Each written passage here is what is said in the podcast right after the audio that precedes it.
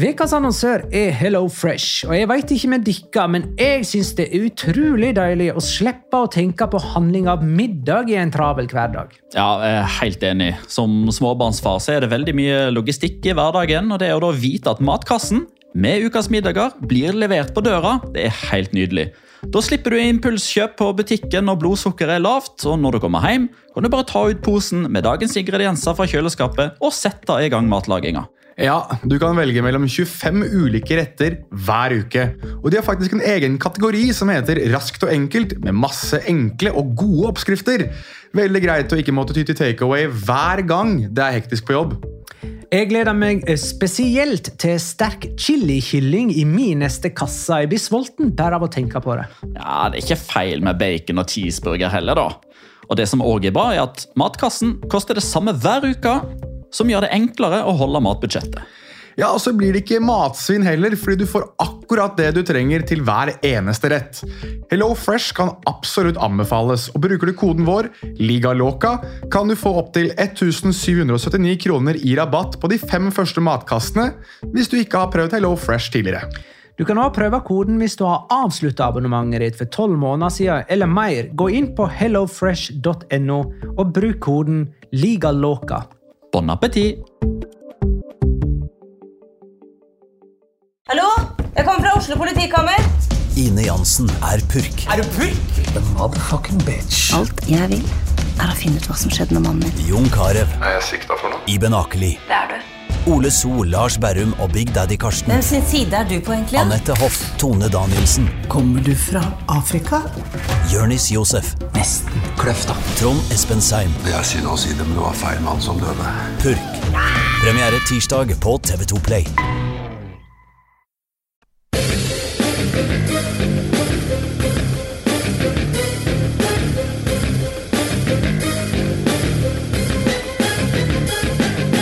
Har du sett? MSN kutta alle koblinger og mista kontakten i fjor. BBC går i svart og inn på historisk museum i år. Nå skal Iguain, Ronaldo og Manjukic danne HRM og Trim foreldre når Juventus endelig skal hente Champions League-trofeet tilbake til Torino. La liga loca. En litt gærnere fotball. Ja, ja, ja. Det ble ikke ferie på oss eh, i år heller. Det ble bonuspodkast om Cristiano Ronaldos eh, overgang til Juventus. På eh, 40 dager har to av Real Madrids største profiler gjennom tidene, Zinedine Zidane og Cristiano Ronaldo, forlatt eh, klubben. Betyr det full restart i Madrid? Eh, hvor store følger får Cristiano Ronaldos overgang for hele overgangsmarkedet denne sommeren? Har en første dominobrikka falt, og i hvilken retning feller de neste brikkene? Og hva betyr det for Juventus og Serie A at en av verdens største profiler går til Torino? Det skal vi diskutere. Jeg, Mona Kvalvik, hei. Og du, Jonas Giæver, hei. Assalamu alaikum. Og du, Petter Wæland, hei. Hola. Og siden vi ikke kan noe som helst om Juventus Serie A eller gresk fotball generelt, så har vi henta inn en ekspert på området, Hashim Hussein Medi. Velkommen til oss. Hei, hei. Du er Juventus-fan, ikke du? Det stemmer, da. Og driver en, eh, en eh, hva skal man kalle det, en høypålitelig profilert eh, Twitter-konto, så vidt jeg har skjønt. Ja. Hvor lenge har du fulgt Juventus? Bare la oss ta det. Det Ca. 22 år, tenker jeg. Det var vel eh, rett rundt VM 1998 at jeg ble interessert for italiensk fotball, så Så da har du vært med på den store tid, den store nedtur, den sakte oppturen, og nå den store blomstringen igjen. absolutt. Det er helt riktig. Ja, men da har vi utgangspunktet for eh, dagens eh, episode, som er av typen bonus. Uh, jeg spør alle i panelet før vi går i gang sånn uh, ordentlig. Uh, så vi dette komme? Ja, jeg bare sier ja. Jeg så i hvert fall at han kom til å forlate Real Madrid. Det sa jeg jo i november-desember da vi diskuterte det, om dette var siste sesongen til Ronaldo i Real Madrid. Og jeg har jo fått tyn for det på Viasat også, av Jan Åge Fjørtoft. Så jeg må si ja, jeg da, til dette så jeg komme. Ikke i like stor grad, men uh, etter hvert som uh, skriveriene har kommet, og dette dryppet som kom rett etter at de vant Champions League, så sånn delvis.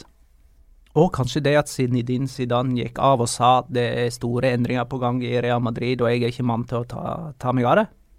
Ja. ja, sett i etterpåklokskapens lys så kan det stemme. Hashima, så du det komme, eller? Jeg så det ikke komme, i hvert fall ikke til Juve. Uh, kunne tenkt meg at han kanskje dro tilbake til United eller dro til Paris Saint-Germain på et tidspunkt. Men uh, hadde du fortalt meg for en halvannen uke tilbake at uh, Ronaldo skulle spille for Juventus, så hadde jeg sagt du er gæren. men hva er det som ligger bak dette, da? Hvorfor går Cristiano Ronaldo fra Real Madrid? Ja, Vi begynner med grunnen til at han forlater de. Ja, vi kan ta det kjapt. Det har jo på en måte blitt ganske bredt dekka både nasjonalt og internasjonalt, det da, men vi kan jo ta det. Eh, altså, han er jo en eh, standhaftig kar med høy selvtillit og voldsomt selvbilde, og det skal veldig mye til for at han er eh, 100% fornøyd. Og dette, dette bunner jo litt ut i, i egentlig måten han ble, ble henta på, egentlig, helt fra den første starten. Fordi han og Peres har jo alltid hatt et, et forhold som Eh, som utad har virka ganske bra, men som innad har vært opp- og nedturer. Eh, vi må ikke glemme det at Cristiano Ronaldo egentlig ble henta av Ramón Calderón, som mm. var Real Madrid-president sommeren 2008, som ferdigforhandla mer eller mindre avtalen, men sir Alex Ferguson klarte å overtale eh, daværende United-eier og, og, David Gill og, disse, og, og Cristiano Ronaldo Og vente et år. Blir en sesong til, så lover jeg at du skal få gå til Real Madrid neste sesong. Eh, og Det som hadde skjedd i Real Madrid i mellomtida, var jo at eh, Ramón Calderón ikke lenger var president. Florentino Perez kom inn og, og slikka på softisen. Han fikk liksom æren for at Real Madrid henta Cristiano Ronaldo, men det var ikke han som gjorde arbeidet. Uh, og, og, gjennom hele den perioden her så, så, føler Cristiano Ronaldo at han har ikke hatt den institusjonelle, uh, organisatoriske backingen fra Real Madrid som hans store nemesis og, og, og både fiende og venn uh, Lionel Messi har hatt fra Barcelona. Både med tanke på, på skattesaken, med tanke på kontraktsfornyelser, med at han alltid føler at han til enhver tid skal være verdens best betalte fotballspiller fordi mm. han bringer suksess, skåringer, markedsrettigheter og sånne type ting. Og til syvende og sist virker dette her som at det, det har vært en form for maktkamp. Eh, enten så måtte Perez gå, eller så måtte Cristiano Ronaldo gå, og det endte med det sistnevnte. 100 og, Ca. 112 millioner, er det? Euro, altså? Cirka, ja. Tror vi kan regne med at det går et par millioner her og der uh, opp eller ned. Det vil si at uh, Real Madrid har profitt her? For han gikk til Real Madrid for sånn ca. 94 millioner euro. 96 millioner euro. Ja. 80 millioner pund på det tidspunktet. Nei, må, må vi regne inflasjon osv., så, videre, da, så er det jo ikke sikkert at det er, eh, at ja, det er like mye. Fra, fra å være en 24-åring til å være en 33-åring. Eh.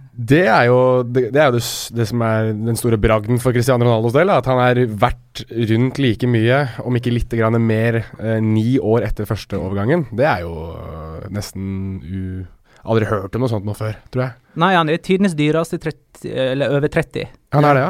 Tror faktisk at overgangsprisen til Real Madrid blir rundt 100 millioner, så skal det gå litt penger til United og Sporting. Ja, det er vel... Og så er det litt agenthonoraret uh, ja. som også er inne i bildet. Videre salgsklausuler ligger jo der, selvsagt. Ja, Manchester United tjener vel noe sånt som 3 millioner pund eller noe sånt, eller 3 millioner euro. En, en, av de to. Jeg gjorde en skrevet sak om det for Nettavisen uh, nå før han gikk til Real Madrid, og det er ikke mye penger. Det er veldig mye som sitter igjen hos, eh, hos Real Madrid, men det er disse her um, bonusene eller disse her Solidaritetsmidler. Solidaritetsmidler, ja, osv. Som du skal få for å ha hatt han mellom så og så lang tid, osv. Men er ikke det den perfekte overgangen for han? Altså, i en alder av 33 eh, Hver sommer så har Ok, det har vært mye snakk og diskusjon om Cristiano Ronaldo, om han skal gå, eller hva han skal. Eh, men de som virkelig stjeler overskriftene, er de som står for de store profilerte overgangene. F.eks. Ibrahimovic, da han gikk gratis til United. Neymar, da han gikk for flere milliarder for, eh, til PSG.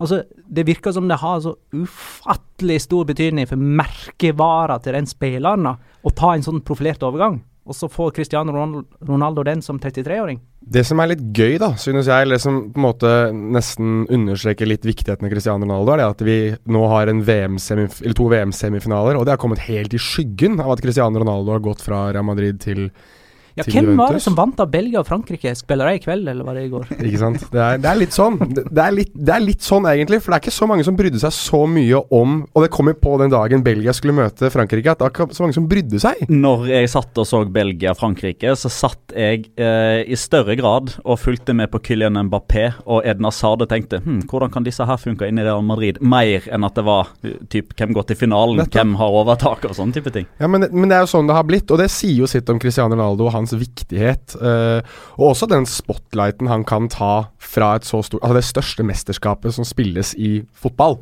Punktum finale. Altså det, det, som, det som er større enn det denne sommeren her, var Cristiano Ronaldos overgang. Vi kommer til å huske dette som sommeren da Cristiano Ronaldo gikk fra Real Madrid. Jeg trodde jeg kom til å huske den tirsdagen der for at Daniel Wass ble klar for Valencia, men så var det noen som ville det annerledes. Ja, ja.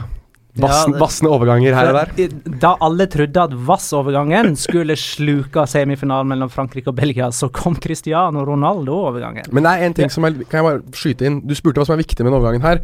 Og det er ett aspekt som veldig mange har glemt, som ikke er nevnt så ofte.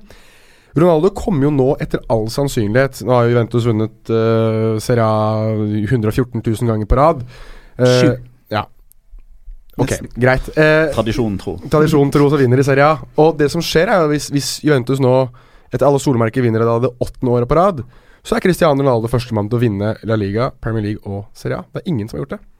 Ingen som har klart det før. Han er vel òg den første som har spilt for Juventus, Manchester United og Real Madrid. Ja, det var, jeg prøvde å gjøre sånn, litt sånn statistikk, eller eh, prøve å finne en som kanskje hadde vært innom ungdomsavdelingen og sånn. Men du bom, bommer på én hele veien. Det er ganske gøy.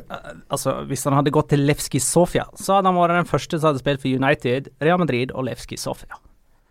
Altså, Den leken der er jo ikke så unik, Ja, Dimitar Berbatov mangler vel bare Real Madrid, han da. faktisk. Men han har sikkert en annen tre... Fullham. Så, så det, Jo da, men vi har uh, klubb nummer én i Spania, England og Italia, da. Så det er litt annet enn Levski Sofia. Det er nummer én i Bulgaria. Klubb nummer én okay. kan vel diskuteres, og sikkert. Men uh, ettermælas, det må vi ta. Ja. K eh, altså, kan eh, Cristiano Ronaldo bli huska i Real Madrid sånn som Di Stefano blir huska, f.eks.? Større. Større. Den er drøy. Det er litt tidlig å si eh, det feige svaret mitt. Eh, Altså, Di Stefano blir jo huska pga. at han var den desidert største i den perioden, og de gikk ned med Real Madrid før de gikk opp igjen etterpå. Eh, hvis det går ned med Real Madrid nå, da, hvis det går to, tre, fire, fem år før de igjen vinner Champions League, så vil alle legge skylda, si, skylda i hermetegn på at Cristiano Ronaldo forlot klubben, og da vil hans storhet i Real Madrid vokse. Skulle de derimot vinne både La Liga og Champions League kommende sesong, og hans erstatter, om det blir Neymar, om det blir Mbappé, om det blir Assad, om det blir Kane, who knows, hvis den spilleren da er liksom helt avgjørende for at Real Madrid fortsetter å vinne, da falmer storheten hans. Så brutal svart-hvit er fotballen. Det er helt sant. Det er jeg helt enig med deg i. Men jeg tror um Hvis du ser nå isolert sett på Cristiano Ronaldo 451-450 mål kommer litt an på hvem 450, det er ikke noe å diskutere engang. På 438 kamper, Det er riktig. fem, fire Champions League-trofeer, fire gullballer som Real Madrid-spiller, eh, to La Liga-titler. Altså, den, den epoken, den niårsepoken der med Cristiano Ronaldo, det er eh, Altså, for de som lever nå, da, de som, lev, de som har levd for å se Cristiano Ronaldo, så er det, det er ikke noe større lenger nå. Dessverre så tilhører Di Stefano historien i langt større grad enn det han kanskje burde. Vi kommer ikke til å nevne Di Stefano i samme åndedrag som Messi, samme åndedrag som Ronaldo, fordi vi, vi har ikke levd den på det tidspunktet. Vi har ikke sett det, vi har ikke bildene av det, vi har ikke muligheten til å sammenligne de to. Og jeg tror det at når du ser på alle mulige rekorder nå, da. Hvis du tar Ronaldo mot Di Stefano i Real Madrid, så kommer du alltid til å finne Ronaldo over Di Stefano. Det er vel ikke én rekord Di Stefano har foran Ronaldo? Kan, eller nei, ikke, ikke engang mål eller klassiko lenger. Der er, det vel, der er det vel likt, kanskje. Men litt av grunnlaget for eh, Real Madrids storhet uh, starta jo med de fem Det er jo en grunn til at man husker altså, eh, Eksempelvis Santiago Bernabeu var jo ikke en kjempestor spiller for Real Madrid, men man husker jo han allikevel som en enorm profil. Han starta Galactico-perioden. det var hans idé, grunntanke om at Real Madrid skulle bli en kjøpende klubb, stjernene skulle dit. Han har fått stadion Ja, ja, ja, ja. seg. Det handler ikke utelukkende om det, som skjer på banen. Ronaldo stod, har stått på skuldrene til Di Stefano. Det er jeg helt enig med deg i. Det er han som har lagt, vært med å legge grunnlaget for det her. Sammen med spillere som Zidane etter han, sammen med spillere som Raúl, f.eks. Altså, selvfølgelig, Ronaldo står på skuldrene deres, men når, altså, når teppet går ned, og det er over for Ronaldo sin karriere også Og vi ser tilbake på alt han har gjort, vi ser tilbake på Zidane, Raúl, Di Stefano, alle disse spillerne her som har vært innom Real Madrid, så sliter jeg veldig med å forestille meg et scenario der noen er større enn han i Real Madrid, slik ståa er nå. Jeg tror det er epoken Epikken, holdt jeg på å si. Oi, mm. Oi og så sa du det òg. Mm, explicit language. Uh, kommer til å bli huska for de tre strake Champions League-trofeene, og der uh, vil Ronaldo være den første man kan på en måte nevne. I den sammenhengen. Definitivt. Kanskje Sergio Ramos, men uh, han kommer jo inn der. Og så, etter det, så blir det en diskusjon om uh, storhetstiden Ronaldo og Messi. Så duellen de imellom. Den har vi mista nå. Ja, i hvert fall i seriesammenheng. De fortsetter jo i Champions League, da. Ja. Men, uh, Du får nå litt uh, De kommer jo til å begynne Ja, men det egentlig For Barcelona-Juventus har jo ikke den rivaliseringen som Nei, altså man, man, Barcelona-Real man Madrid. mister det direkte sammenligningsgrunnlaget, det gjør det, men uh, jeg tror ikke det er sånn at uh, For det er sånn opp gjennom alle disse årene, vi, har man ment noe om Cristiano Ronaldo, så blir man automatisk tillagt en motsatt mening om Lionel Messi. Det forsvinner ikke bare over natta. Nei, men jeg tror hvis du spør nå en Juventus-sporter som vi faktisk har her, så kan jo, kan jo Hashim sikkert fortelle oss at rivaliseringen Barcelona og Juventus har tatt seg opp en god del med de siste åra, med tap i Champions League-finale, gruppespillet i Champions League. Det har blitt en slags form for rivalisering de to imellom også, har det ikke det? Ja, etter at Juventus tapte Champions League-finale i 2015, så har det vært en del Juve-fans som uh, har vært lystne på revansj, og de fikk det i året etter, tror jeg det var, da Juve slo dem 3-0 eh, på hjemmebane og slo Mm. dem ut av Champions League. Men hvem likevel f- svir det mest for å Juventus å tape mot internasjonalt? Det er Real Madrid. Det er Real Madrid. Så det er, det er en liten glede av å ta deres beste spiller akkurat nå. Det er det. Tar den største profilen fra Real Madrid og skal ta Champions League-trofeet fra dem òg. Eh, bare jeg tenker sånn apropos eh, størrelsen til Cristiano Ronaldo. Jeg, jeg føler det, det sier litt at vi ikke har nevnt sånne som Iker Casillas, Raúl, eh, Botragenio og den eh, kvintetten der Ja. eh, i sammenligning. Vi har ikke nevnt Puskas heller. Eh, jeg vet ikke om det var for at Rikard bevisst gikk inn for ikke å nevne noen, fordi at de mener han er størst. Eh, men altså, det er store Roberto Carlos, Zinedine Zidane. Det er store spillere Figo. som eh, Ja, jeg vet ikke hvor høy stjerne han har. Ja, Så, eh, uansett- Galactico. Ja, altså, han er enorm, da. Ja. Det er mange legender som eh, har vært der før han og satt sine spor. Men det er jo vanskelig å si at han er den største når han faktisk fortsatt spiller. Det er jo det som er eh, det, det er litt derfor også det i ryktes i, i spansk eh, presse at Ronaldo vil ikke ha noen sånn form for despedida, en sånn slags farvel-greie på Santiago Bernabeu, fordi at han har ikke lagt opp. Nei. Han er fortsatt en spiller, han er fortsatt en, en motstander av Nå blir han jo en motstander av Real Madrid. Ja, det er den klubben han har spilt for, på lik linje som eh, Manchester United er et hjem for ham, så er også Real Madrid det. Man har jo visstnok sagt nei da, til å bli, bli tatt farvel med, rett og slett fordi at eh, han er ikke ferdig.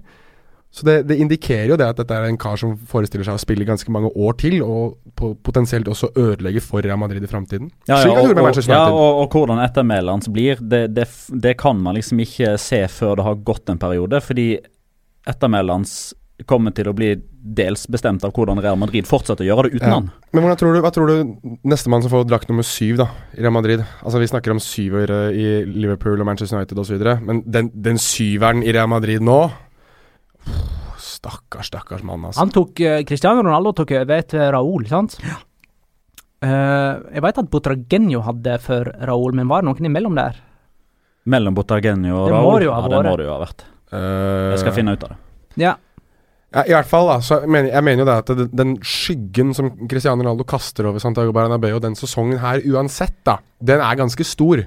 Uh, jeg sier ikke at det er umulig å komme seg ut av den, men, jeg, men det er mange der som skal trekke samme vei for at det skal gå. Nå har jeg selvfølgelig Real Madrid spilt på en måte som på veldig mange måter har appell, altså, har appellert til kun Cristiano Ronaldo. Vi skal sikkert inn på hva dette betyr for spillet til Real Madrid framover.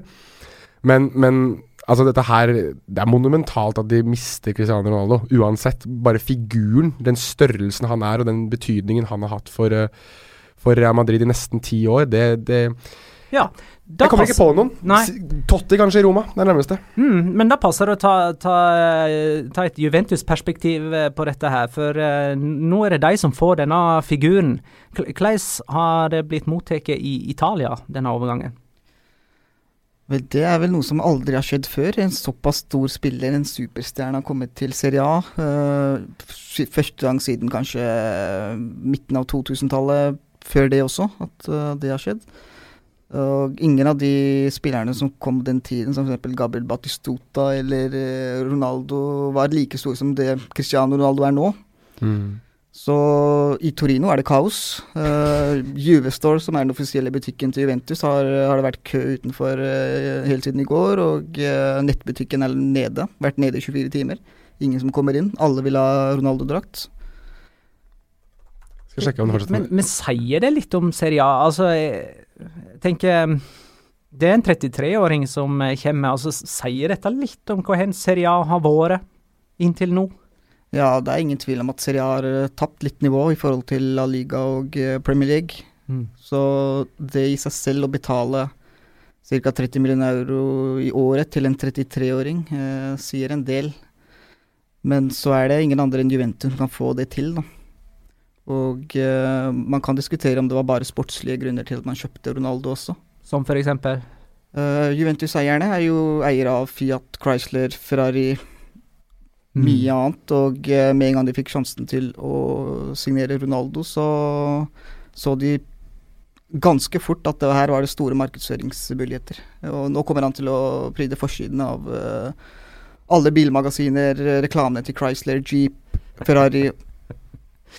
Dette er jo et kjempepoeng, da.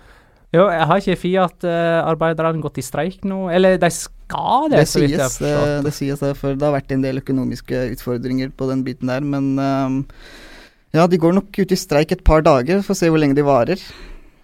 Men jeg uh, tenker markedsføringen i, i Juventus uh, har jo på en måte den virker å ha vært ganske nøye gjennomtenkt de siste par årene. Er dette et nytt ledd gjennom, i, i, i liksom, å skape et nytt bilde av Juventus? Jeg tenker f.eks. på bare det med å endre klubbemblemet. Jeg forsto det sånn at eh, noe av tanken med den endringen av klubbemblem var å gjøre Juventus-logoen til noe mer sånn dagligdags som man kunne ha på eh, genserne sine, uten å på en måte framstå som en fotballgeek av den grunn. Ja, altså Den gamle logoen uh, var det mange som følte var litt gammeldags. Så det var helt klart at Juventus prøvde å appellere til uh, den unge generasjonen, dagens generasjon, med å lage en litt mer hipp logo. Og uh, klubben har gått riktig vei nå de siste fem-seks åra. De har prøvd å bli litt moderne. Men det er typisk italiensk at de henger litt igjen. du kan jo se f.eks. at Juventus er det eneste laget i Serie A som hadde sitt eget stadion fram til ca. 2013-2014. Da begynte det å komme et par lag som fikk sine egne stadion. Så Juventus er alltid et steg foran resten, men nå prøver de egentlig å komme i samme bane som Real Madrid og Manchester United. Og uh, her er Ronaldo en uh, stor hjelp. Mm. Det virker egentlig generelt, bare, bare sånn en liten digresjon, det virker som italienske klubber er ganske bra på markedsføring om dagen. Uh, en av de mest populære Twitter-kontoene er jo Roma sin. Ja, den er morsom. Har du sett de overgangsannonseringene? De er morsomme. Oi, oi, oi. Kan forresten informere om at Juventus Store er oppe og går igjen nå. Den er, eh, jeg sitter og titter på den nå. Hvis du har lyst til å kjøpe deg en Cristiano Ronaldo 7-drakt, så koster det 105 euro. Det, er før shipping og handling, så da tipper jeg at det er godt over tusenlappen hvis du har lyst til å pryde og se at det, det glimter fint i øynene på Hashim her ved siden av meg, for han skal rett inn på Juventus Store og kjøpe seg 2, 3, 4, 5, 6, 7 ulike Jeg har eksemplarer. lovet så mange drakter nå at jeg kommer til å bli helt blakk. har noen hørt fra Juan Cuadrado i det siste, for øvrig? Han, er, han syns jeg jo ordentlig For han hadde jo syv i Juventus, og nummer elleve på, på Colombia, det har Douglas Costa. Hva, hva gjør han for noe nå? Nei, jeg tror nok uh, Juventus snakket litt med han, uh, for han har lagt ut en twittermelding til Ronaldo hvor han ønsker han velkommen til klubben, så jeg tror jeg har tatt en prat med han om at uh, nummer syv, den kan du glemme. Sorry, kompis. It's not yours anymore. Den er bare å glemme. Juan, Juan Eduardo Eschneider hadde drakt nummer sju i Real Madrid i 95-96, før Raúl overtok den. Hvem? Så det var to år Juan Eduardo Eschneider. Jøss. Yes. Juan Eduardo han, ja. Eh, han, ja. ja. Den sagnomsuste? Ja, ja. Men han, jo, han spilte jo for Real Madrid i fem-seks sesonger, da, argentineren. Kan ikke huske han overhodet. Men Raúl må jo ha vært der da?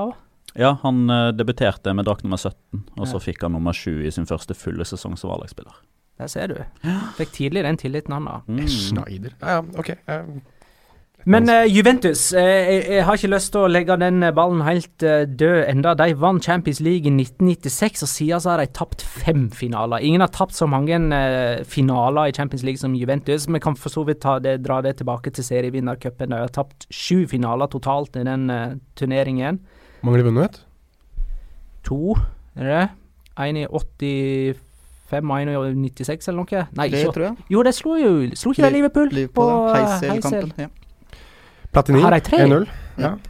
Du sa tre, du, kanskje? Ja. Ja. Så, Men sju tapte finaler har de, og det er det ingen som slår.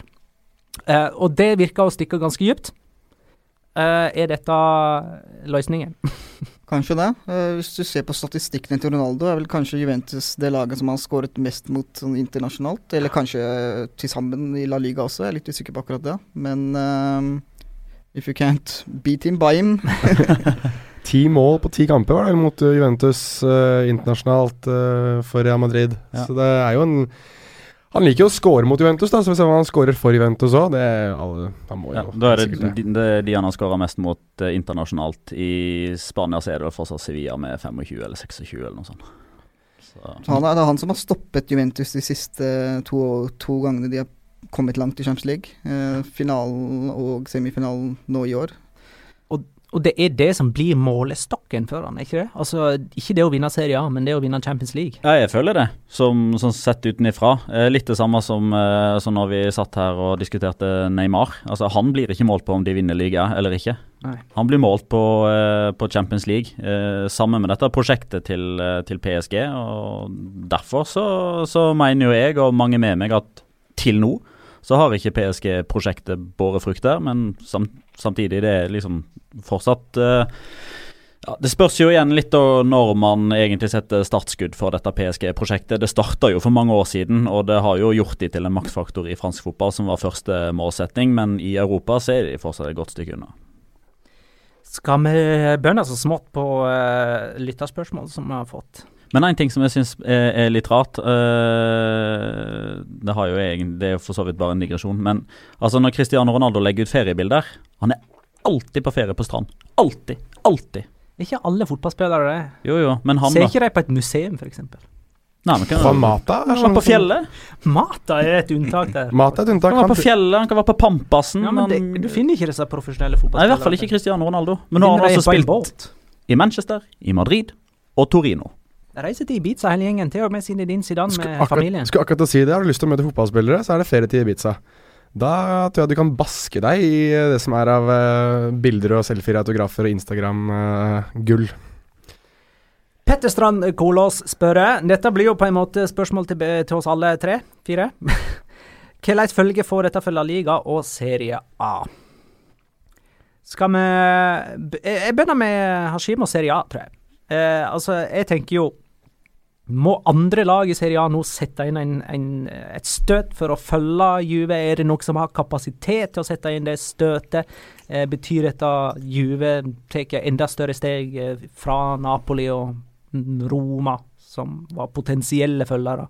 Ja, akkurat nå så tror jeg ikke det er noen som kan konkurrere seg mot uh, Juve i år. Uh, men det er helt klart at de andre lagene kan bli litt mer motivert til å slå Juventus nå, spesielt som en av verdens beste fotballspillere spiller der. Eh, og det er allerede en del hat mot Juventus i Serie A. For de kjøper spillere fra sine rivaler, og jeg tror det hatet kommer til å bli enda større nå som de henta en, en av verdens beste spillere. Men det er helt klart at uh, nå kommer det jo til å bli mer fokus på Serie A internasjonalt. Det er mange lag som nå kommer til å benytte seg av muligheten. Eh, det er mange som sliter med rettigheter til Serie A. eh, og det, denne overgangen her kommer til å hjelpe ganske Ja, mye. TV-rettigheter, tenker du? Ja. Mm. Ja, ja, altså jeg tror altså eh, Litt sånn over det ganske land i, i går, så tror jeg det var altså Hvis man hørte hvis, hvis man var helt stille og hørte virkelig godt etter, så kunne man høre liksom sånn jeg har jo alltid hatt et godt øye til Juventus, da. ja, Juventus, ja, den gamle dame. Ja, det er sp spennende. Men eh, jeg, jeg leste faktisk i går at eh, Real Madrid har mistet mange tusen følgere på sosiale medier. Ja, Og- garantert. Og nå er det Juventus som har fått en del eh, nye følgere i, over de to siste dagene. jeg kaller det LeBron James-syndromet. Da han forlot Miami Heat for å gå til Cleveland Cavaliers i NBA, eh, så mistet vel den Miami Heat-kontoen mista vel noe sånt som 100 eller 150 000 følgere over natta, fordi han da hadde byttet lag.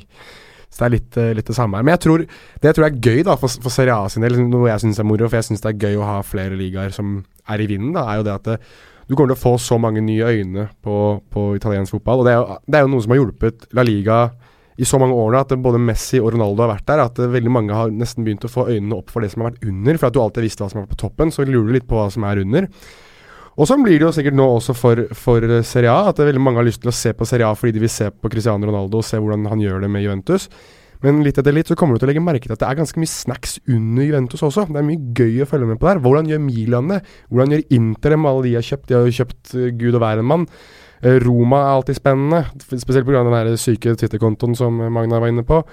Altså det, er så, det er så mye snacks. Fiorentina under der igjen. Altså det, det, er, det, er en seier for, for produktet Serie A, først og fremst. Og um, jeg tror du ene og alene kan takke Cristiano Ronaldo for det, faktisk. Så får forhåpentligvis noen her i Norge ut en viss finger og kjøper rettighetene.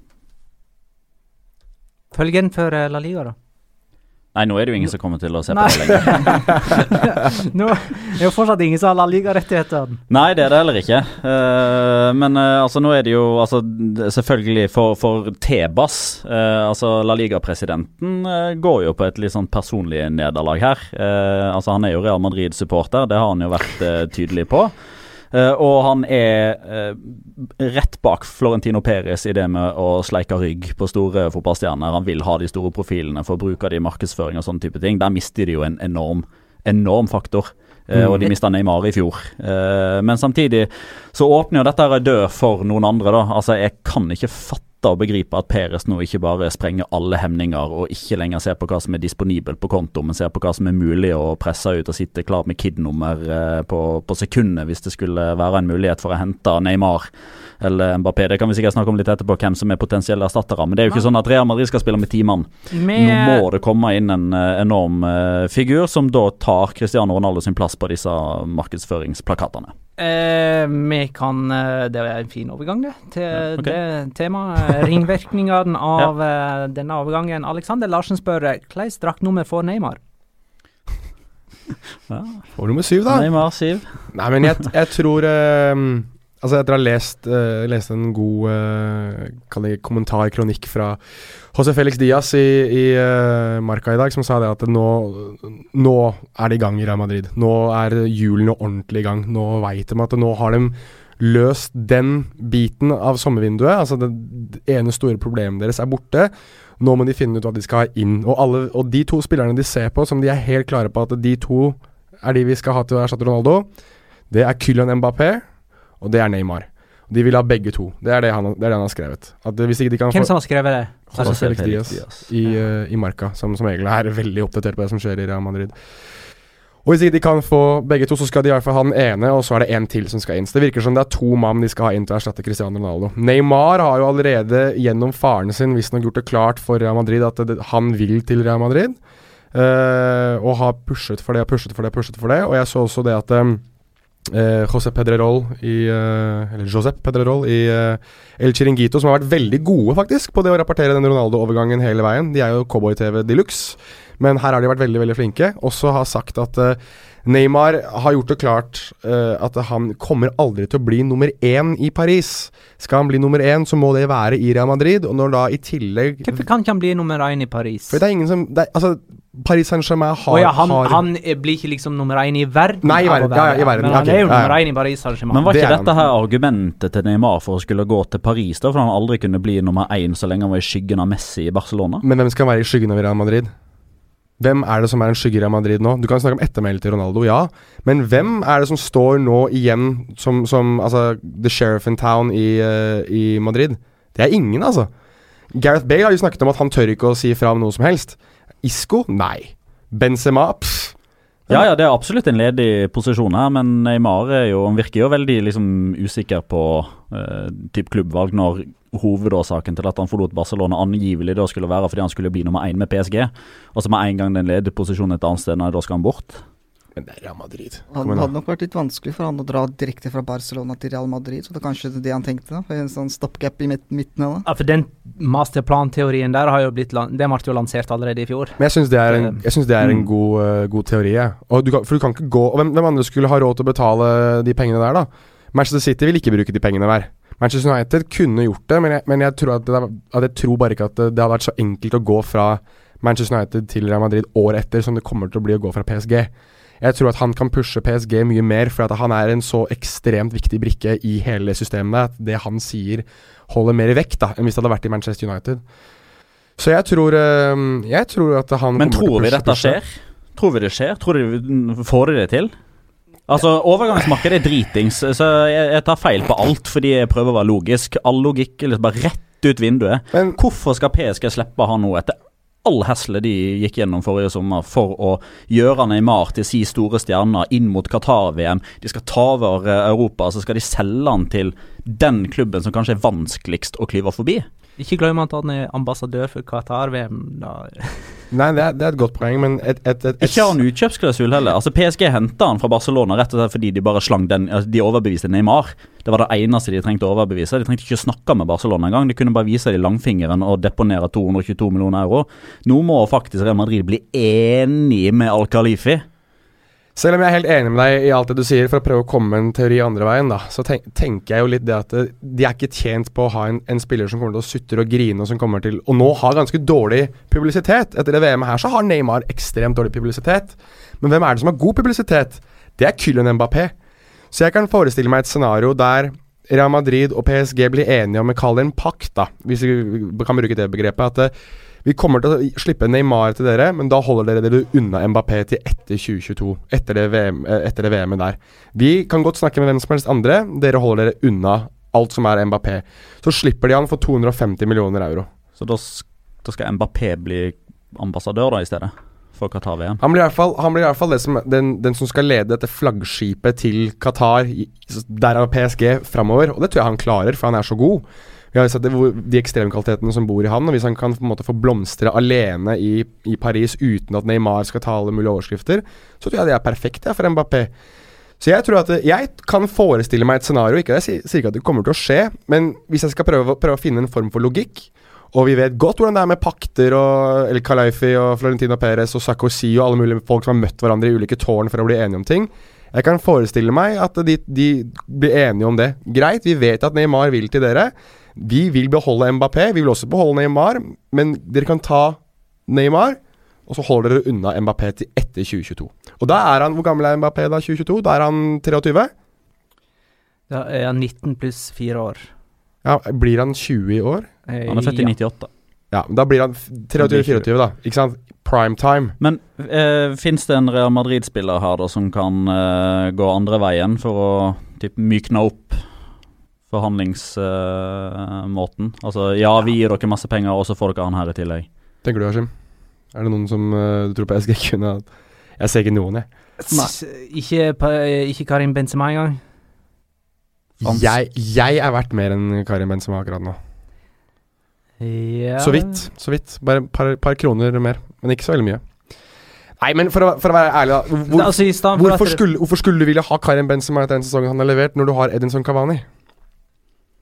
Eh, kanskje fordi at da har du en som kan akseptere det å være nummer to i rankingen. Eh, mens det har vært et problem denne sesongen mellom Cavani og Neymar. Ja, men fra å, sitte, fra å starte i Real Madrid og sitte på benken på, på Paris Saint-Germain Ikke nødvendigvis benken, vel. Det er jo ikke de samme elleve som spiller alle 60 kampene i løpet av en sesong. Nei, men hvis Benzema er frisk i Real Madrid, så starter han. Ikke Jeg tenkte på nummer to i status. ikke sant? At uh, Benzema har trivdes i skyggen av Cristiano Ronaldo og ikke har sånn der antall skåringsklausul og dermed stjele straffespark fra nummer én uh, i laget. Nei, altså, det er en, det er en god Men- tanke. Det kan godt være at uh, hvis Paris Saint-Germain skal hente en erstatter for Neymar, at de sikter høyere enn Karim Benzema, ja. Men i en avtale Det er franske tillegg, det hjelper litt på. Nasjonal følelse, selv om han ikke Nei, fra Mars. Den- Lyon, Lyon. Lyon-type. De er jo ikke så veldig glad i Paris. Like Nei. stikk til Lyon igjen, da. Det er jo Altså, selvfølgelig det er mulig, det, men jeg Nei, Jeg bare spiller ball her, fordi jeg Nei, jeg prøver. Jeg er med deg. lik, Jeg prøver. altså, I likhet med deg, jeg ser absolutt for meg Neymar i Real Madrid-drakt, men jeg, akkurat her og nå så sliter jeg litt med å se hvordan PSG skal tillate det. Jeg er helt enig med deg. Sliter ikke PSG med FFP også? Jo. Hvordan skal de da klare De blir å trua hver dag av Uefa med den uh, financial fair play. uh, Ja da, jeg, jeg, ja, da, jeg i hermetegn truer dattera mi med at hun ikke skal få lov til å se på iPaden dagen etterpå hvis hun ikke legger seg klokka åtte. Hun legger seg halv ni-ni hver kveld. Og hun får ikke se på Hun ser på iPad hver dag. Nei, men Jeg, jeg synes det er et interessant poeng, da, men, men det er jo ikke Men det er vel snakk om en typ 70 millioner uh, euro de må balansere, eller noe sånt. Det er jo et salg av Gonzalo Gedes, liksom. Det er, jo, det er jo 70 millioner euro i det, det markedet her uansett. Og det jeg har hørt da fra, fra ikke sakkyndige, men folk som er inne i fotballverdenen da, rundt dette med FFP, er det at det, eh, hvis, noen, hvis Uefa prøver å, å eh, sette seg på bakbeina og si at dere må tilbakebetale, ellers får dere ikke spille Europa Altså De kommer til å sagsøke uh, Uefa herfra til månen og bare ta saken til kass og all mulig annet drit, for det er ekstremt vanskelig å håndholde de der lovene som Uefa har, uh, har bestemt seg for. da Det er smutthull og, og alt mulig som gjør at det er muligheter for klubber til å kunne utfordre det rettslig og juridisk, og, og dermed ødelegge litt da for dette Uefa-systemet. Som gjør at vi veldig sjelden ser ekstremt harde dommer. da Eh, Vi har sett at uh, f.eks. Manchester City har hatt innsnevring på hvor mange de kan ha i troppen sin i Europa. Vi har sett andre klubber utestenges fra, fra, eh, fra europeiske turneringer. AC Milan er vel utestengt. De er utestengt. Uh, Besiktas var vel kanskje utestengt én sesong eller noe sånt nå. Men var ikke det kampfiksingsmistanker? Ikke Milan. Nei, Nei, Mi men- Milan er en FF... Ja, men da sier vi Milan, da. Malaga ble jo utestengt i 2014-2015. Ja, men dette, dette her Nå må vi også sette, sette, sette opp mot at PSG og er, er på et annet nivå akkurat nå enn det både Milan og Malaga er. Eh, Milan har større problemer enn å begynne også De har, de har likvideringsopplegg som de må, må gjennom, og det som er. Ja. Eh, mens, mens Malaga er, er på et helt annet nivå. Men PSG og Nei, det de har av advokater og sånn Det kommer ikke til å skje, vi veit det. Men eh, en trussel henger der, og det kan bidra i eh, overgangsspekulasjonene, i alle fall. eh, Det gjør det nok. Uh, Hashim, Elias Knutsen lurer på hvordan følger denne overgangen for, for Dybala? Litt sånn tilleggsspørsmål i, i, fra meg. Kan det være at noen går andre veien i denne Cristiano, i en slags Cristiano Ronaldo-avtale? Jeg tror at Dybala blir for nå. Eh, det sies i italiensk presse at han er utrolig glad for at Ronaldo har kommet, for det er en spiller han har sett opp til i mange år. Så han vil absolutt bli. Og eh, det er en effekt som eh, kommer til å skje på flere forskjellige spillere i Juventus nå. Alle som har vurdert å dra eh, denne sommeren her, kommer nå til å revurdere. Uh, Hvem er det som ikke vil spille med Ronaldo? Men er det noen som ønsker å Er det noen som ønsker å dra fordi Cristiano Ronaldo innbetyr at han må ut? Det er ingen som har lyst til å dra, men eh, det sies nå at Higuain kommer til å bli solgt uh, som følge av Ronaldo-overgangen. For han er den spilleren som tjener mest i Juventus etter Ronaldo. Han er en av de som tjener mest i Serie A. Og jeg tror nok det kan bli litt vanskelig å holde både Ronaldo og Higuain uh, i samme lag. I hvert fall som den spiller Ronaldo har blitt nå. Han er jo en spiss, så Ja, for da de to var i Real Madrid, så var det jo to forskjellige spillertyper. Ja. Men nå er de jo helt like. Nå er de ganske like, så det spørs om uh, Chelsea tar uh, Tar og hjelper litt der. Uh, for man må nesten bli kvitt én spiller, og man kan få litt penger igjen for Higuain. Jeg tror de satser på rundt 50-60 millioner euro. Dybala tror jeg blir, og så er det vel Daniel Rugani, som er en midtstopper som linkes til Chelsea og Arsenal, som mest sannsynlig også blir solgt, da. Og så er, det, og så er det Alexander, da, som det hele tiden ryktes om at skal være på vei ut. Men han er vel sånn type spiller eh, som kan å revurdere, for han tenker at ja, da, da er Ronaldo her, da. Så da kan, han er ett år inne i kontrakten sin, så det signerer Mm. litt nytt. Jeg tenker jo at Cristiano Ronaldo ikke har signert for Juventus uten å få visse forsikringer om at visse profiler skal forbli der. Det er et godt eh, poeng. Det er et godt poeng. Men interessant med Dybala, eh, for han kan gjøre Cristiano Ronaldo akkurat så god som han trenger å, å være for eh, å løfte Juventus videre. Ja, Manzukic og Dybala begge to kommer til å øh, være store støttespillere nå for Mm. Ronaldo. mens Higuain, stakkars, tror jeg nok måtte ha hatt noe. Det blir spennende med Dybala og, og Ronaldo på, på samme lag. Altså, uten at jeg skal sammenligne dem noe, noe mer, men Men Dybala er jo på veldig mange måter litt lik Lionel Messi i spillestil. da Så hvis du noen gang skulle lurt litt på hvordan det hadde vært å sette ut i hvert fall typ hvordan med Messi og Ronaldo på samme lag, så kan du kanskje få en liten sånn taste av det i Juventus med Dybala og, og Ronaldo. Selvfølgelig Messi er på et helt annet nivå, men dere ser hvor jeg skal.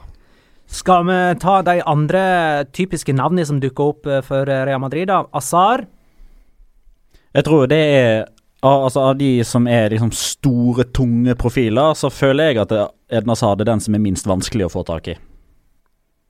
Ja, nei, jeg Definitivt. sier og, men er det en saftig nok Er det saftig nok for Real Madrid? Det Kan er vi- i Ikke hvis han kommer alene. kan vi, kan vi gå med la oss, la oss si de som er nevnt, da. For å ta det først, så kan jeg bare, bare for å være se om jeg er enig med deg eller ikke. Det er Neymar, Azar, Mbappé, Kane, Sala. Salah. Det er, er, de, det er de fem som er nevnt?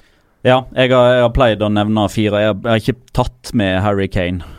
Nei, men han, Fordi det er ganske lenge siden han har blitt uh, skrevet om, egentlig. han ble nevnt i dag av José Felix Diaz. Ok. Så selvfølgelig da med at han er vanskelig, men, men han ble nevnt i det minste. At han er en sånn type Fordi de må erstatte alle målene, og da var han nevnt som en. Og Benzema er ikke mannen der. Nei, det er han nok ikke. Men, Men, jeg, men igjen, men det er enig, det er den, den er med enes død er jo den andres brød. Altså, ja, eh, disse målpoengene må erstattes, eh, men eh, hvis, vi da, hvis vi glemmer erstatterne litt, og typ utenifra Dette her er jo godt nytt for de som allerede er i Real Madrid. Det er ikke lenger Cristiano Ronaldo som skal fôres. Men Det har jo vært en sentral del av spillestilen og filosofien og hele grunnmuren i Real Madrid. Ja, Spill akkurat sånn som dere vil, men pass på at det er Cristiano Ronaldo som setter ballen i mål. Nå er ikke han der lenger. Benzema eh, tjener på det, Bale tjener på det, Isco tjener på det. Ja. Men Vi må kan- ikke glemme de som allerede er der. Kan man eh, sette sin lit til Bale? Ikke basert på kvaliteter. Ikke alene. Og. Nei, men eh, han har gått skada store deler av de siste tre-fire sesongene. Mm. Nei, altså man kan ikke bare eh, håper jeg, si, gi syveren til Bale og tro at han skal gjøre akkurat det samme som Cristiano Ronaldo. Det går ikke. Nei, men jeg, jeg kan eh, abonnere på, på Eden Hazard, fordi, men også litt fordi at han, han eh, har jo flørtet med Real Madrid i, i mange sesonger, og har eh, gjort det litt klart, eller satt litt eh, press på Chelsea og sagt at hvis ikke dere gjør noe på overgangsmarkedet, så må jeg vurdere hva som skjer videre. Han skal, ikke- han skal ikke spille Champions League neste sesong hvis han er i, i Chelsea. Um, Sarri skal inn, ja. Eh, du vet mer om Sarri enn det jeg gjør, Hashi, men, men det jeg vet, er at han, han står for en god, offensiv, eh, spennende, morsom fotball. Men man vet jo fortsatt ikke hvordan retningen er med han, hvor suksessfullt det kommer til å være.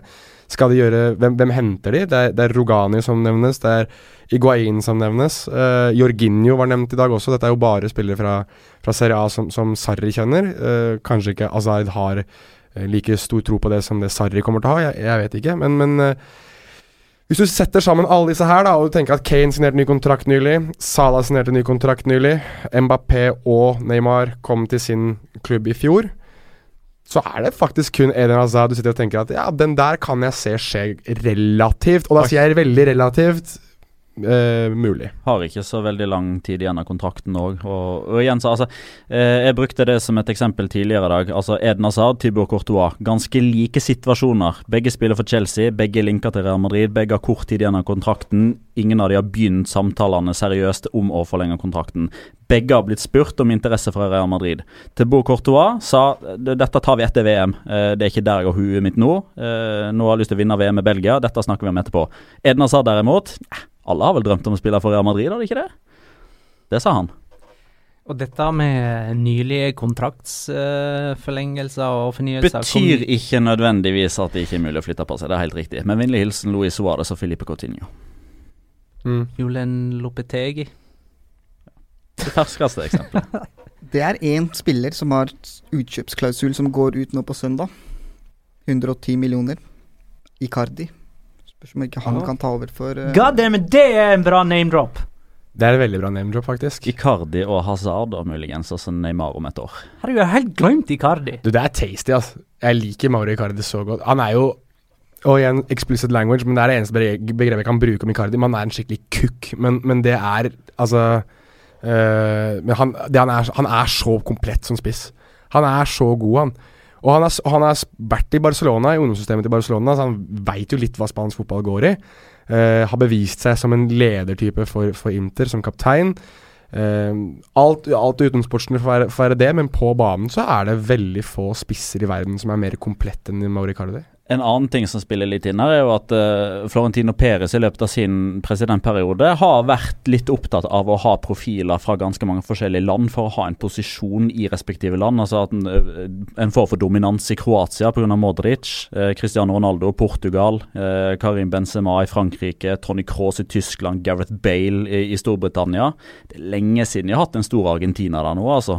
Ezekiel Garay får ha meg unnskyldt, men det er tilbake til Fernando Redondo, egentlig. hvis ikke har en, en enorm eh, svikt i hukommelsen. Angel Di Maria, Gonzalo Higuain, niks. Jo, jeg bare nevner hvem de har hatt fra Argentina. Ja. Jo, jo, men sånn type store profiler som folk virkelig trykte sitt, sitt, bryst. Det er lenge siden. Altså Mauro Icardi kan bli det. Og Mauro Icardi kan òg være med altså i Argentina på å være med på en oppstandelse nå, hvis han omsider får lov til å spille på dette argentinske fordømte landslaget som er så irritert på nå. Han kan være med på oppstandelsen i Argentina og bli en ordentlig sånn figur i Argentina som folk trykke til sitt bryst hvis han da Eksempelvis hvis Peres tenker noenlunde samme bane, da. Men vi vet jo alle hvor glad han er i markedsføring og markedskrefter og sånne type ting. Argentina kan Altså, det er, det er ikke så veldig mange år igjen av karrieren til Messi spekulering. Skjønner du makta jeg har nå når jeg sier noe kontroversielt, og Petter bare suser i vei, Hashim? Det er nydelig, det. Det er Mauri Cardi-mennesken der er så Bare sånn lur inn på sida der. Herlig. Ja, du, det du som nevnte ordet kukk. Kommer det noen flere inn fra venstre? Noen flere navn jeg kan bare ta ut av en hatt nå? Um, som vi ikke har kommet på? Ikke ut av en hatt sånn rent med en gang. Lewandowski. Nei, men han, han, ryktes nå i, uh, i, Bayern at han ikke vil. Uh, at han har bestemt seg for at uh, siden ikke tilbudene har kommet noe tidligere, så vil han bli værende i Bayern. Nå som de har startet med sesongomkjøringen sin. Jo, men der er det òg litt sånn at ja, Loppetegi signerte ny kontrakt 22. mai. Ja, og ei uke jo, jo, jo, og så svarer jeg på det. Ja. At, ja, 22. mai så signerte Loppetegi ny kontrakt med det spanske fotballforbundet. 30. mai så bestemte Zidane for å takke, takke for seg, og halvannen uke etterpå så var Loppetegi ja, sånn, i Madrid. Ja, det er mulig. Ting skjer. Altså, dette kan Robert Lewandowski Lewandowski har bestemt seg for. Uh, typ, ja, ja, vi gjør det sånn. Og så bang, fire dager etterpå så er ikke Cristiano Ronaldo i Real Madrid lenger. Det er et behov, det er, det er en plass og sånne type ting. da Nå Dominobrikken feller, veit du. Det er ikke umulig overhodet. Sånn som, sånn som sommeren var i fjor, eller sensommeren. Da kom eh, Paris Saint-Germain plutselig og tok eh, Neymar fra Barcelona. Og selv om ingen engelske eller tyske lag var involvert i den overgangen, så fikk det store konsekvenser for engelske og tyske lag. Liverpool oh. måtte sitte og avkrefte Coutinho-ryktet hver dag. Dembélé forsvant plutselig fra Dortmund uten forvarsel, hadde jeg nær sagt. Mm. Jeg fikk litt hodepine, jeg nå. Det, det, som kommer for Petter, er hardt arbeid. Oh. Hva slags hodepine fikk du? Altså den augustmåneden som jeg hadde på Twitter, med å følge jakten på Neymar-erstatter i Barcelona. Det blir akkurat det samme nå i Madrid. Eh, apropos eh, Sivert van Morik eh, lurer på hva hen det ble av eh, podkasten om da Paulinho forsvant fra Barcelona og tilbake til Kina. Den, eh, Den tar vi om et år, når lånet blir kjøp. ja Når han er tilbake inn i Barcelona. eventuelt så kan du finne den på bonuspodkast.com. Den ligger der, godt skjult. Jeg vil ikke gå inn på det. hvem er, hvis, hvis man skal følge denne VM-tradisjonen til Real Madrid, da? Kjøpe den største VM-profilen. Det er Kylian Mbappé, da, akkurat nå. Kane er jo toppskårer. Og mulig finalist. Det vet jo kanskje folk når de har hørt dette her. ja, vi er i studio. Uh, nå er det en time til avspark mellom England og Kroatia, så vi må snart begynne å tenke Mange mener jo at Eden Hazard har vært den beste spilleren. Dennis Cherishev. Ja Få en ny Copa del Rey. Altså. Takk. Jeg var fornøyd med den selv, altså. Mm. Nå må dere nesten si hva det går i.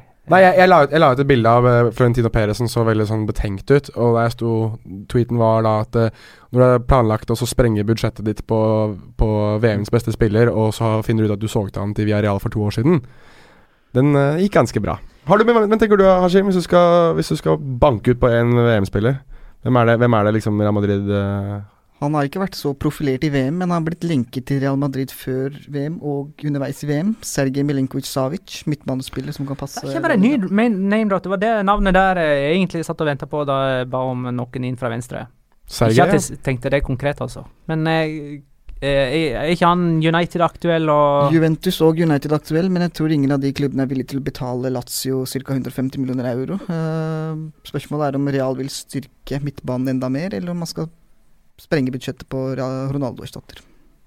Hva får man i Milinkovic Savic, da? En altmuligmann i midten. Sterk, eh, fleksibel spiller som eh, kan spille ball og eh, kan ta, kan ta på seg en stor ansvar for eh, bl.a. Disko og de andre gutta som spiller i midt, midt eh. Mm, vi har jo egentlig stort sett bare diskutert angripere som aktuelle for Real Madrid. Det er en god eh, Det er Altså, med- tanke på da vi vet at uh, Julian Lopetegi spiller ganske sentrert gjennom midten, så, så er jo han uh, en potensiell type, og han har jo godt kjennskap Han er jo Real Madrid-fan. Faren hans spilte jo i, i Real Madrid. Han er født i Lleida i, i Spania, så det her er jo en type som potensielt sett kommer til å kunne venne seg ganske bra til, til spansk fotball også. Um, ja, det er, jeg liker Nesten vi, vi må få inn Hashim når vi sitter og bare snakker om de samme navnene, så han bare kan fyre inn sånne navn som vi eksploderer på her hver Må være med på overgangsspesialen vår. Spilt Ja. i Belgia, spilt i Italia og uh, god med ball, så jeg tror nok uh, han kan være god for Real. Mm. Ta. Ja, nei, jeg, Ta, har du flere? Ser du er så godt i gang. ja, er sikkert Ja. Si det. Ja, hvis ikke, så bare Kom, kommer sikkert på en del Ja, eh, ja. Skyt ut hvis du kommer på noe. Men eh, vi tror sånn eh, litt mer sånn oppsummeringsmessig at det kommer til å skje ganske mye i Real Madrid nå. Ja, det, det tror jeg. Fordi nå er det liksom 2014 var forrige gang de henta en ordentlig stor stjerne som skulle rett inn på laget. Og nå og Og liksom, det var Hamas-Rodriges. Rodriguez. ja. Uh, og, og liksom nå, nå fikk man liksom første, første typ sjokket, da. Med, selv om eh, enkelte så den komme og sånn, med, med Zidane som, som takker for seg. En enorm endring, en av de største. Der har de henta Lopetegi. Eh, og så får man liksom denne ja, Igjen en litt sånn sjokkbeskjed da, den, den uka her. Um, eh, så det er liksom når, når to så store profiler er borte, så er det et enormt tomrom. De har allerede erstatta Zidane med, med Lopetegi, så jeg er veldig spent på å se hvem som skal fylle tomrommet da, til Ashraf Hakimi. Det er jo Odriozola, det.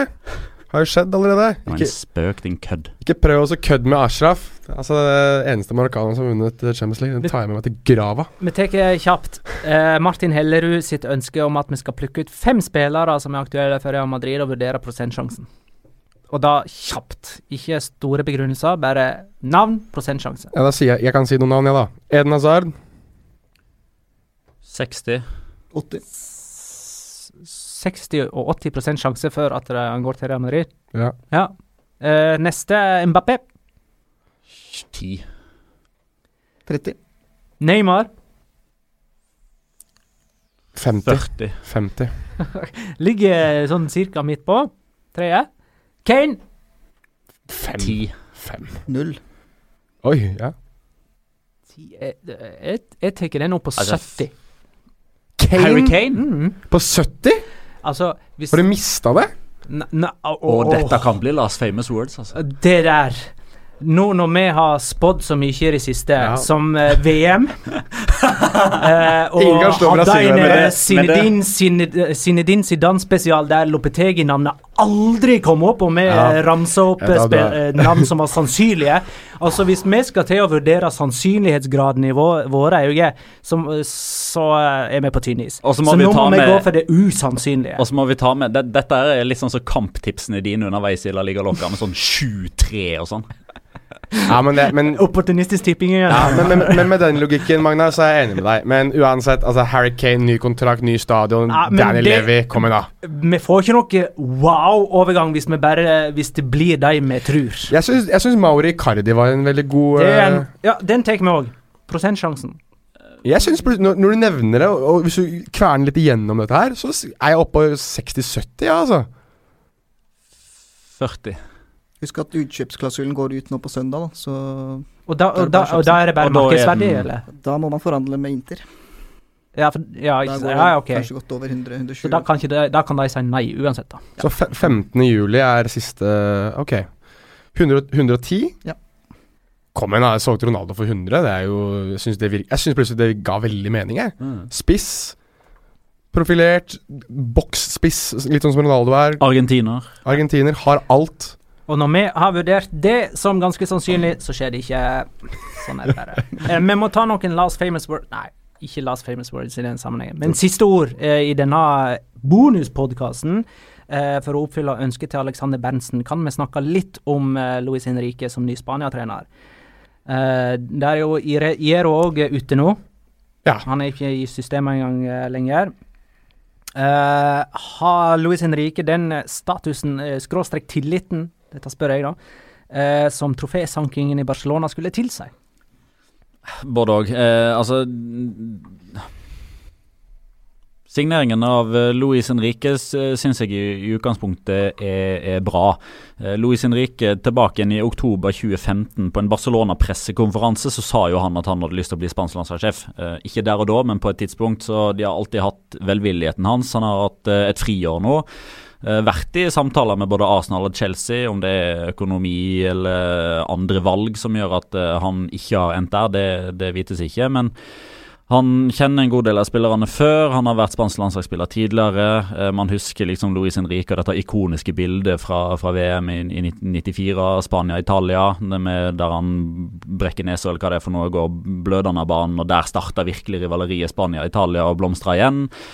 Uh, men det som, det som, gjør meg litt uh, irritert, er at ved å ansette Luis Henrique som nylig Barcelona-trener, så får disse konspirasjonsteoriene og agendasetterne eh, ei maurtue å hoppe ned i. Det er den negative effekten. Eh, hvis Luis Henrique klarer å beholde det som har vært bra med Spania fra oktober 2016 til mai 2018, altså under Lopetegi, med større gjennombruddshissighet, eh, kombinert med pasningsspill. At, at, de har en plan bak pasningsspillet, og at det ikke bare blir at de spiller pasninger i håp om at motstanderen til slutt blir trøtt. Hvis han klarer å, å kombinere det sammen med den, det artisteriet som han fikk til i Barcelona, med MSN, da tror jeg det blir bra. Eh, hvis han derimot går i den samme fella, at han ikke har lært av feilen sin fra Barcelona, nemlig å neglisjere midtbanespillet, eh, at, at, det skal bli for direkte, da tror jeg ikke det er bra. Men i utgangspunktet så, så er jeg positiv. Du er positiv? I utgangspunktet så er jeg positiv. Ja. Tenk at Mitchell var en kandidat. Han var faktisk en reell kandidat. det veit. Utrolig. Greit. Eh, vi runder av eh, der. Tusen takk, Hashimi, for at du kom. Takk, Jonas og Petter, for å avbryte ferien. Jeg skal tilbake til Bahamas. Eh, og jeg skal tilbake til Himalaya. Jeg skal tilbake til Casablanca, jeg, da. Så god tur, da, alle sammen. Eh, og så eh, vil jeg jo bare nevne da at vi har kåra Henrik Laursen til vinner av konkurransen vi hadde sammen med eh, Riks-TV. Han vinner et år med Rikspakken og en Apple TV. Gratulerer, Henrik. Tusen takk for at du lytta, kjære lytter. Ha det, da.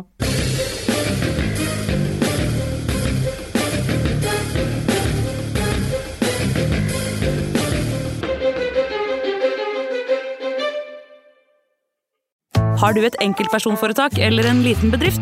Da er du sikkert lei av å høre meg snakke om hvor enkelt det er med kvitteringer og bilag i fiken, så vi eh, gir oss her, vi. Fordi vi liker enkelt. Fiken superenkelt regnskap.